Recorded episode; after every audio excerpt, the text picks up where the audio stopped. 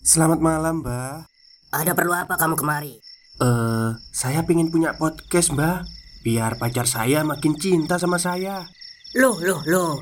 Mau bikin podcast kok tanya dukun? Sekarang kamu download aplikasi Anchor.fm. Di situ kamu bisa buat podcast gratis dan podcast kamu bisa didistribusikan ke platform mana pun. Dan di aplikasi atau website Anchor.fm juga terdapat fitur-fitur yang memudahkan kamu untuk membuat podcast. Oh, gitu ya, Mbak.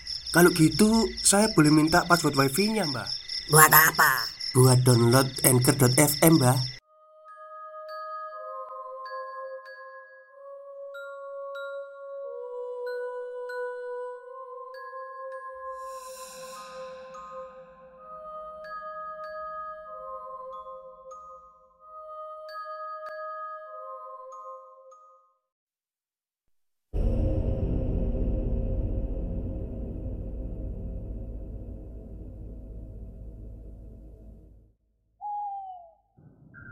Assalamualaikum warahmatullahi wabarakatuh.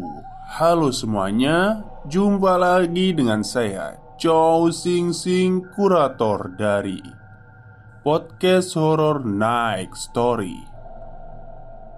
Halo Apa kabar semuanya?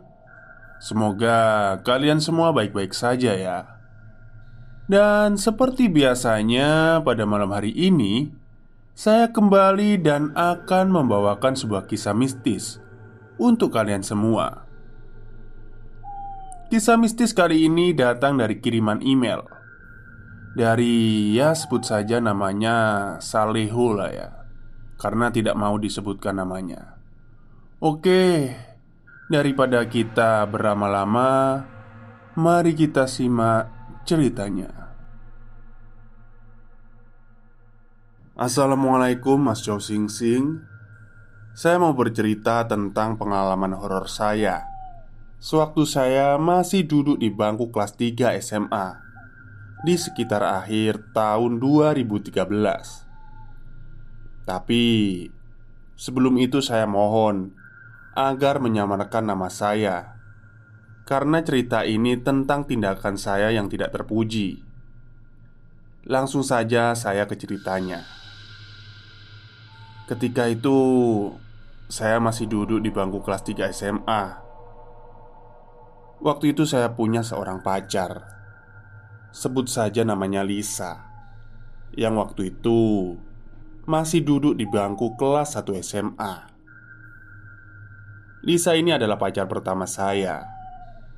Kita sudah pacaran Sejak saya masih kelas 2 SMA Dan dia masih duduk di bangku SMP kelas 3 Saya tinggal di pusat kota dari Provinsi Gorontalo.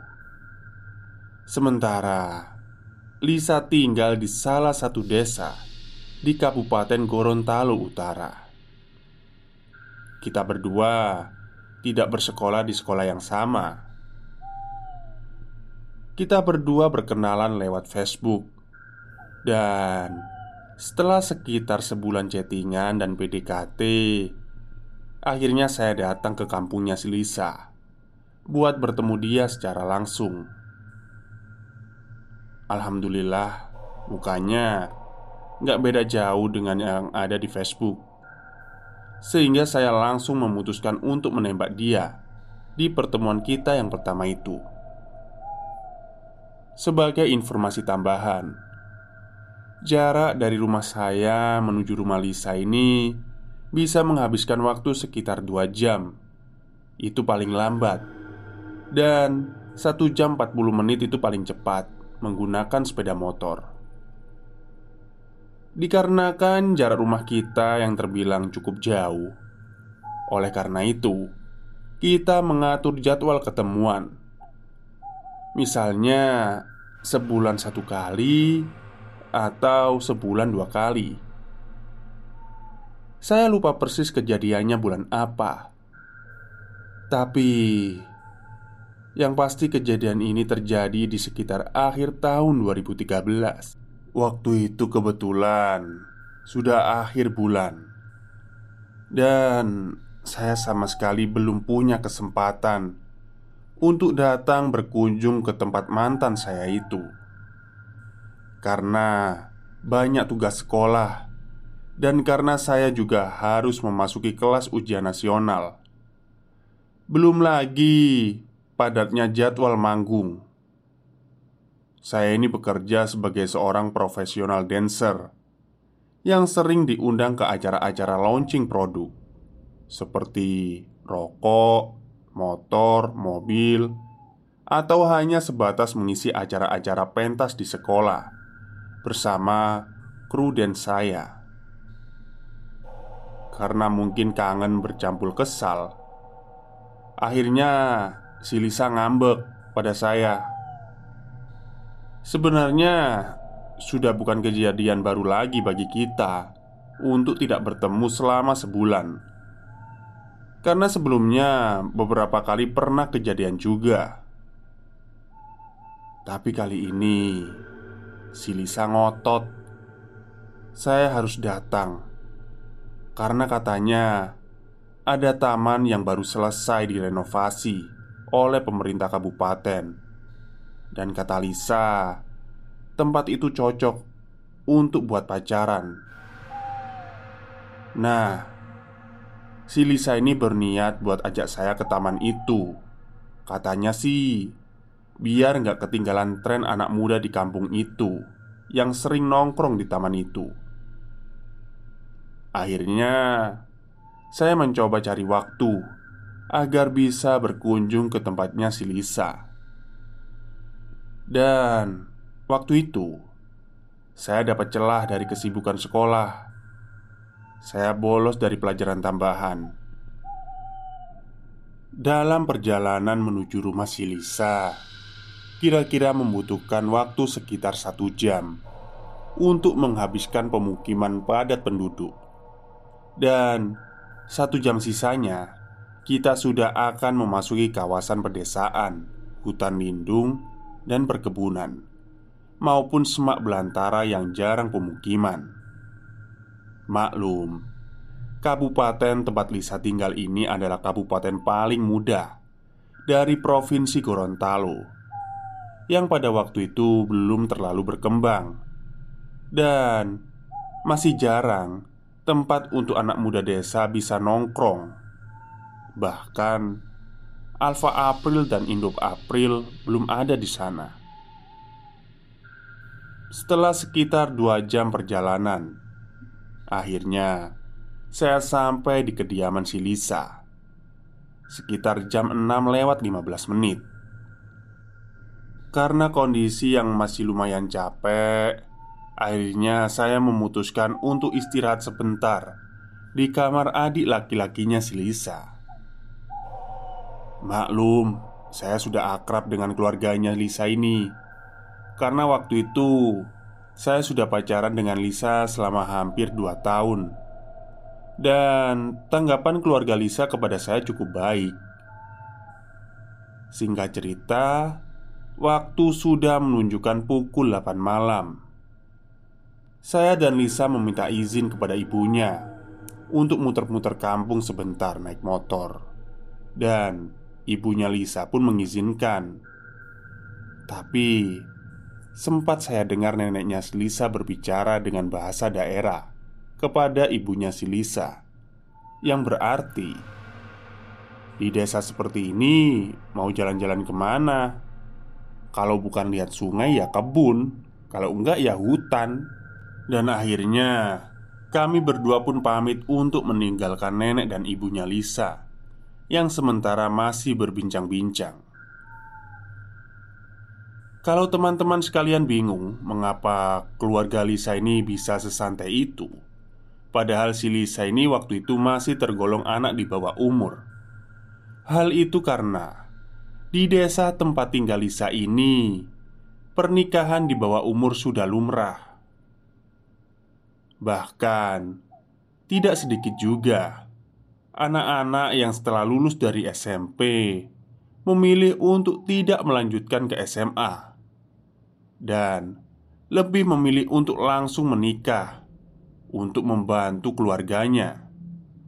Kebanyakan menjadi nelayan atau bekerja di ladang, sehingga kondisi saya yang berpacaran dengan Lisa ini sudah bukan pemandangan yang baru di kampung itu. Waduh, kalau di kampung saya bisa jadi bahan lambe turah.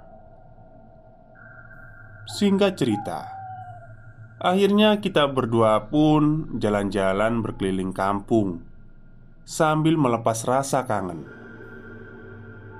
Maklum, sudah hampir sebulan tidak ketemu, bahkan teleponan pun sangat jarang. Karena memang saya ini banyak kegiatan dan sibuk. Setelah berkendara selama kurang lebih 20 menit, akhirnya kita berdua sampai di desa tempat taman yang Lisa maksud. Kita berdua pun singgah di taman itu. Stop, stop. Kita break sebentar. Jadi gimana? Kalian pengen punya podcast seperti saya? Jangan pakai dukun, pakai anchor, download sekarang juga, gratis. Memang sudah terlihat beberapa perubahan pada taman itu. Lebih banyak lapak untuk jualan, serta penambahan sistem penerangan. Tapi pada malam itu aneh. Entah kenapa, tidak ada seorang pun di dalam taman itu, dan bahkan seperti biasa, hanya ada satu lampu yang menyala dari sekian banyak lampu yang ada di taman ini, yakni lampu yang terpasang di gerbang masuk dari taman tersebut.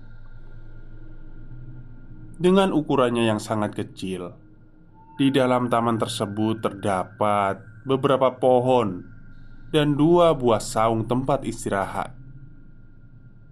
Satu saung besar kira-kira panjangnya 6-8 meter Dan lebarnya sekitar 4-5 meter Dan satu saung kecil Di sebelah kanan dari saung besar tersebut. Ada sebuah toilet Di bagian belakang dari saung besar. Taman tersebut terletak di jalur Trans Sulawesi dan berada di dataran tinggi yang agak kurang penduduk, sehingga malam itu benar-benar terasa hening dan sunyi. Hanya ada beberapa suara burung dan suara khas malam yang membuat saya merinding waktu itu. Setelah turun dari motor, kita berdua berjalan masuk ke dalam taman dengan bergandengan. Kita berdua pun berdiri di tepi taman dan memandang ke arah lampu dari rumah-rumah yang ada di bawah. Nampak kecil dari atas taman ini. Kita juga bisa melihat laut dari kejauhan. Maklum saja, kalau tempat ini menjadi tempat favorit untuk muda-mudi di kampung ini. Sedang asyik-asyiknya kita bermesraan di taman itu. Tiba-tiba Saya menjadi agak terbawa suasana. Karena saat itu memang gak ada orang. Udara malam pun dingin. Dan Memang tujuannya Kita berdua ke tempat itu untuk saling melepas rasa kangen. Berbagai pikiran negatif pun mulai merasuki pikiran saya. Dan sangat sulit sekali untuk melawan keinginan saya untuk tidak melakukan hal itu. Terlebih lagi, waktu itu saya dan Lisa sedang berada di umur yang memang rasa ingin tahu kami sangat besar dan lagi labil-labilnya. Saya pun mengajak Lisa ke salah satu saung kecil di taman itu. Kemudian, kita melanjutkan untuk bermesraan di saung tersebut. Dan karena saya khawatir ketahuan warga sekitar situ, akhirnya saya tidak berani melepaskan satupun pakaian saya maupun mantan saya itu. Namun, saya tidak bisa memungkiri bahwa ada keinginan untuk melakukan hal itu. Rasa takut, khawatir, dan nafsu pun mulai berkecamuk di kepala saya. Akhirnya saya mengajak Lisa untuk melakukannya di toilet taman saja Karena menurut saya lebih aman Jadi maksudnya melakukannya itu bercocok tanam gitu ya Kembali saya mengecek jam di HP saya. Dan waktu itu sudah menunjukkan pukul 10 malam. Dan tanpa sadar kita sudah menghabiskan beberapa jam bermesraan di saung kecil tadi. Sambil masih bergandengan Kita berdua berjalan menuju ke belakang saung besar. Kondisi di situ sangatlah gelap Agak lembab dan udara dingin yang menusuk sekilas membuat bulu kuduk saya merinding Tetapi memang dasar sudah dibutakan oleh nafsu saya tidak lagi mempedulikan semua itu. Akhirnya, saya dan Lisa kembali melanjutkan untuk bermesraan lagi di depan toilet tersebut. Setelah beberapa lama, saya kemudian memberanikan diri untuk mencoba berbuat lebih jauh ke mantan saya itu. Tetapi tiba-tiba Lisa memeluk saya dengan sangat erat namun, saya tak peduli. Saya tetap mencoba berbuat lebih jauh lagi. Perlahan saya mendengar si Lisa mengeluarkan seperti suara tangisan yang ditahan. Sejenak saya terdiam dan tidak melakukan apa-apa. Dalam hati saya bertanya-tanya, "Ini anak kenapa nangis ya?" Apa dia senang atau sedih? Atau tidak mau saya perlakukan seperti itu? Yang jelas, kalau dia tidak mau, dari awal pasti sudah menolak, dan kayaknya nggak mungkin juga kalau dia nggak mau, karena ini bukan kali pertama buat kita. Selama beberapa menit, saya terdiam dengan pertanyaan di kepala saya dan si Lisa masih memeluk saya dengan erat sekali. Akhirnya saya rapikan lagi pakaiannya Dan saya pun memeluk Risa Dan bertanya Kamu kenapa? Kalau nggak mau bilang dong Jangan nangis kayak gini Kalau dari tadi kamu bilang kan Aku nggak ngajak kamu turun di sini Lisa tidak menjawab komentar saya, dan saya pun mencoba melepaskan pelukan Lisa. Setelah pelukan Lisa sedikit terlepas, saya melihat wajah Lisa menghadap ke atas pohon yang besar yang berada di belakang toilet. Dengan masih menangis dan badannya yang gemetar, saya langsung paham dengan situasi saat itu. Saya menoleh ke arah pohon besar itu dan tidak melihat apa-apa. Tetapi melihat Lisa yang sampai ketakutan seperti itu, saya yakin dia pasti sedang melihat sesuatu di situ. Perasaan merinding langsung menjalar ke seluruh tubuh saya. Saya peluk Lisa dan perlahan saya mengajak dia berjalan menjauh dari toilet itu. Dan saya bilang ke dia buat tetap sadar sambil satu tangan saya menutup mata si Lisa. Saya merasakan saat itu. Badan si Lisa sudah gemeteran dan berkeringat dingin. Saya sangat ingin sekali membaca doa, tapi saya nggak hafal ayat kursi.